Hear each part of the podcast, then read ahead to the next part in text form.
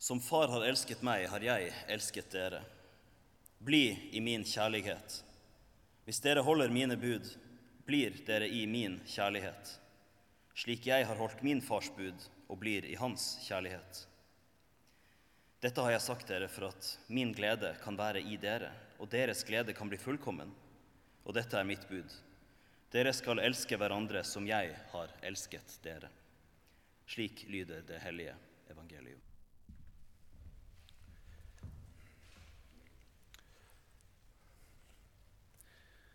Vi hørte helt til sist her fra Jesus sin avskjedstale til disiplene i Johannes evangeliet. Det er den samme talen som ble lest her for to uker siden, sist jeg fikk lov til å si noen refleksjoner rundt en tekst. Um, og Jesus gir her en siste instruks til sine disipler. Um, ja, han sier faktisk hva det er å være Jesu disippel. Dere skal elske hverandre som jeg har elsket dere så ber han de inderlig bli i min kjærlighet. Jeg vet ikke hva dere syns, men jeg syns liksom den teksten her, det er fine ord. Det er mye fint. Jesus sier veldig mye fint. Da, da jeg vokste opp, så um, var jeg gjerne med til kirka. Faren min var prest. Og jeg har hørt ganske mange av disse fine ordene en del ganger. Og selv om det er fint, så har jeg slitt litt med å finne ut Ok, det er fint, men hvordan er det relevant for meg? Denne kristengreia. Bli i min kjærlighet. Elsk hverandre. Hvordan er det relevant for det livet jeg lever? Hvordan er jeg kristen? Dette er spørsmål som jeg fremdeles jobber med. Jeg tror jeg kommer til å jobbe med dem så lenge jeg lever. Men av og til så får man noen sånne der aha-opplevelser. sant? Og jeg fikk en sånn aha-opplevelse da jeg dro på leir som 16-åring. Jeg dro på det som eh, het TT, tenåringstreff, i regi av KFK KFUM. Er det noen her som kjenner til det? Ja, jeg har rått. Ok, det er flere som har vært på TT. Nice. Greia med TT, da eh, Denne leiren, det var sånn 2500 unge mennesker der første gang jeg var der. Og da der snakka de om ting jeg brydde meg om. Det, og vi sang sanger som jeg likte. Det var mye Coldplay. ikke sant? Og, og jeg fikk venner som kalte seg kristne. Og mer enn det så følte jeg at vi gjorde det. på en måte. Det, det, var en stemning der. Man følte at alle var akseptert. Dere som har vært på TT, kan sikkert huske den der følelsen av å stå som du står liksom rett foran en scene, og så ser du opp på et TenSing-kor og er et dritbra publikum for et kor som synger ufrivillig tistemt. Sant? Og vi, og vi heide på dem som om de var rockestjerner. Og vi bare følte sånn Ja, dette her er nåde i praksis, liksom. Og vi bygger hverandre opp. Og så løper vi globalløp og samla inn penger. Og jeg bare sånn Det er dette som er nestekjærlighet. Nå gjør vi det! Nå gjør vi det! Vi gjør det nå. Og så, ja. Jeg fikk en slags aha-opplevelse. Plutselig var disse fine orda blitt noe konkret. Noe jeg kunne leve i. Og Det ga meg en trygghet i meg selv, og det ga meg også en retning. En vei å gå. Så Tete det var en game changer i min søken etter hva det er å være kristen. Og så, når jeg da kom hjem, så hørte jeg at den eh, kristne avisa Vårt Land eh, hadde skrevet en artikkel om TT. Og jeg var, jeg var, sånn Ok, bare gi meg mer og mer. Jeg hadde sett minne-DVD-en allerede haugevis av ganger. Så jeg var sånn, jeg, så jeg slo opp øh, og um, uh, sjekka ut denne artikkelen. Og så leser jeg overskriften der, som da var 'Jesus nevnt bare to ganger i åpningsshowet'. og så, var det, så fulgte det en artikkel hvor uh, Tete ble heftig kritisert for, ikke, for, å, for at de snakka for lite om Jesus. Og når jeg leste den artikkelen, så fikk jeg en sånn kjip følelse. Som jeg har kjent på en del ganger etterpå.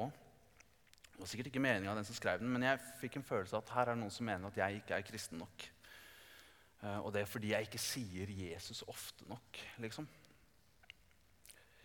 Jeg tenkte for meg selv når jeg leste tekstene denne uka Kanskje burde denne journalisten lest litt i Ruths bok, sånn som vi gjorde denne uka. Som vi gjorde nå nettopp. I Ruths bok så leser vi om en dame som heter Ruth. Og en veldig spennende historie rundt henne. Men det starter med hennes svigermor, som heter Nomi. Eh, jeg skal gi dere et short recap av denne historien. ok? Dette kommer til å gå fort, og det er en del detaljer, men heng med. Nomi har en mann og to sønner. De bor i Betlehem, men de bestemmer seg for å flytte til Moab. Og når de har kommet til Moab, så skjer det at mannen til Nomi dør.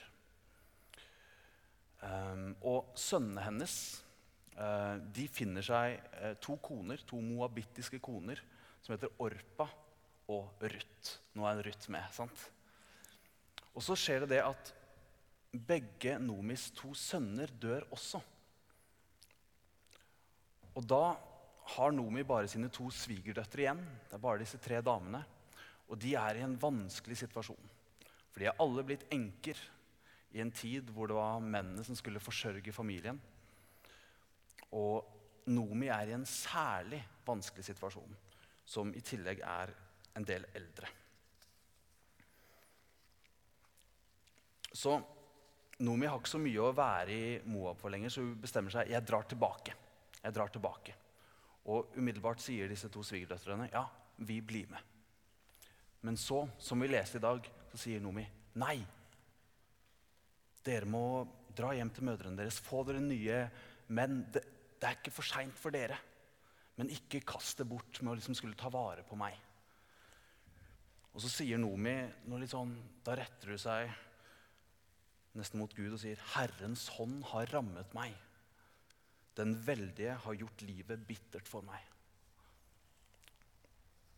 Anklager Gud. Og Dette er faktisk en av de få gangene hvor Gud nevnes i Ruths bok. Jeg tror kanskje Ruths bok er den boka hvor Gud er liksom mest på siden. Nevnes minst. Og I dette tilfellet så får til og med hvor Gud først nevnes, så får han i tillegg en saftig anklage mot seg. Han har gjort livet bittert for meg.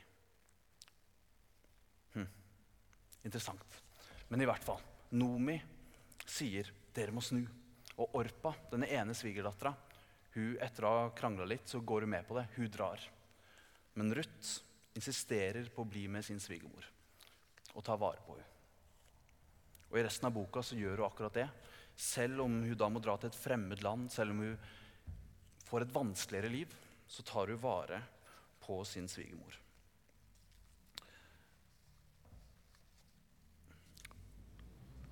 Hvis dere har lyst til å høre liksom resten av den historien, så må dere lese Ruths bok. Den er ikke så lang. Sjekk det ut. Men jeg, denne, akkurat denne teksten den, jeg diskuterte den faktisk med den som er quizmasteren deres seinere i kveld. David. Um, det er bare å glede seg til quiz, folkens. Det blir bra. Men da vi snakka om denne teksten, så poengterte han noe veldig spennende. Nemlig at Nomi klager på Gud, men Ruth retter ikke på henne. Ruth går ikke sånn Ro deg ned, Nomi. Husk at Gud er god. Gud er kjærlighet. Nei, Ruth gjør ikke det. Hun lar klagen stå uimotsagt. Men så svarer hun med å være den kjærligheten som svigermoren trenger. Hun er et slags levende bønnesvar.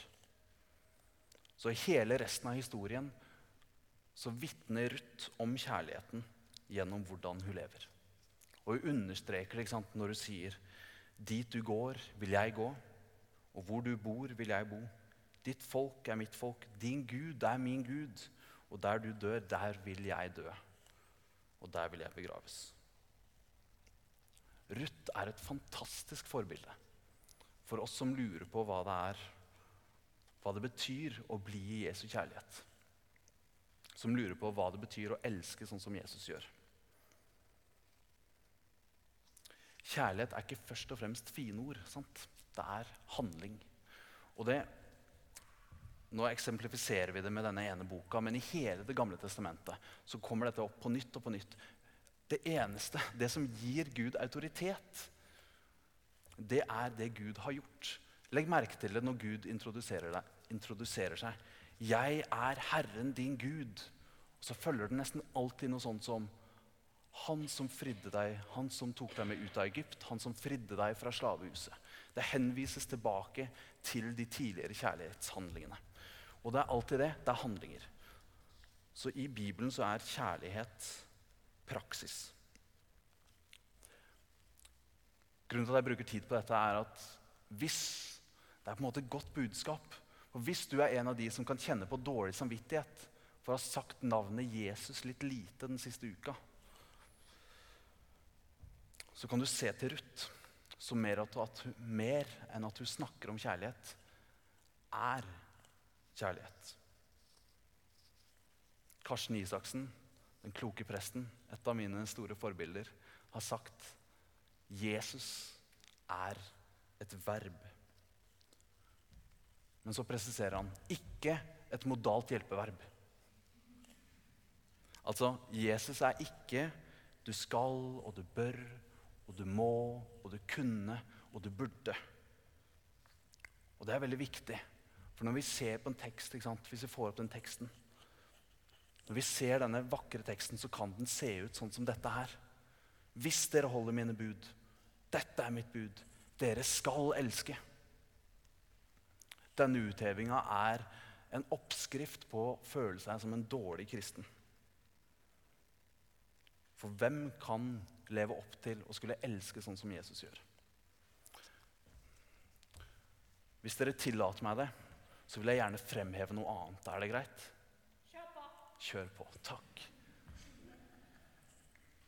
Bli i min kjærlighet. Jesus er et verb. Men ikke som i 'gå dit' eller 'kom her', og 'du skal', og 'du kunne gjort'. Verbet er 'bli i min kjærlighet'. Jeg sa det ikke skulle være så mye gresk her i dag, men her kommer litt allikevel. Nytestamentet er opprinnelig skrevet på gresk. Og det ordet som er brukt for 'bli', det er det greske verbet 'meno'. Man bruker det også når man skal si hvor man bor. Eller ordet bare for leve. Så når det da står 'bli i min kjærlighet', så er det underforstått at Jesu kjærlighet, det er ditt utgangspunkt. Det er ditt hjem. Det er der du allerede er akkurat nå. Bli. Lev bo. Jesus kommanderer oss ikke, men han ber oss innstendig. Bli, lev, bo i min kjærlighet. Det er ikke en kommando for å rushe av gårde sånn Bli en bedre utgave av deg selv. Det er en oppfordring til å våge å stole på den kjærligheten du er skapt i. Den kjærligheten som er lagt ned i hver en av oss. Det er en utfordring til å kjenne på kroppen det som er Jesu nåde. Og bare tro på at ja, vi er elska sånn som vi er. Vi er gode nok. Det handler om å la Gud eie oss. La Jesu varme, nådige blikk få hvile på oss, så vi blir oss selv, ikke en annen. Og når vi blir oss selv, ja, da kan vårt liv bli en refleks av Guds kjærlighet. Så bli min kjærlighet. Ikke hør det som sånn, et kall om å sette på en ekstra kristenpodkast på øret. Sånt. Det er ikke det som er greia. Det handler mer om å ta vekk alt det vi mater inn. Og så heller lene tilbake og stole på at det ligger noe i oss, en kjærlighet. For kjærlighet er ikke en prestasjon. Det er en naturlig respons for de som selv blir elska.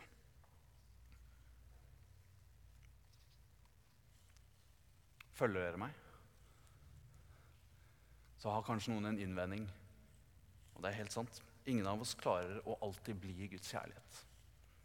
Vi sliter både med å ta imot Guds kjærlighet, og vi sliter med å gi den videre.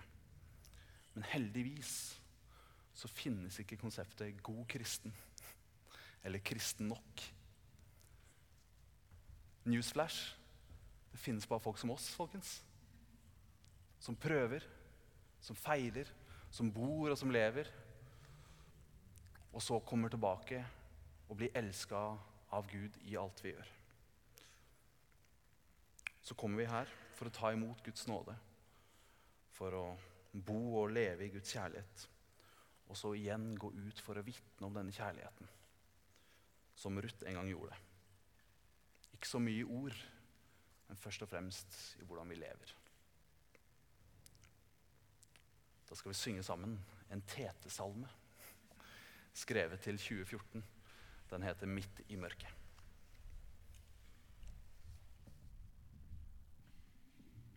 thank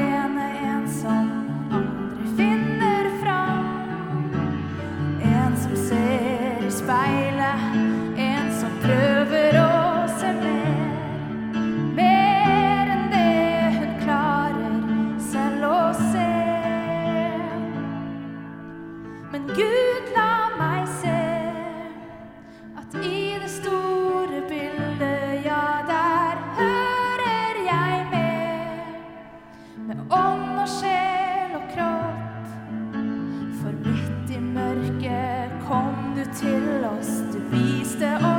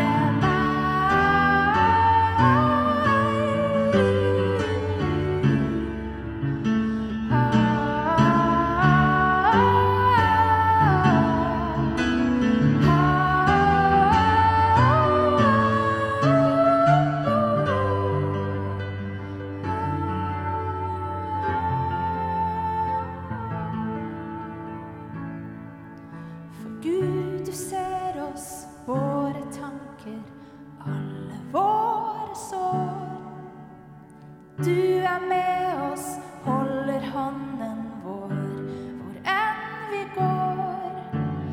Midt i mørket lyser noen, kanskje er det meg.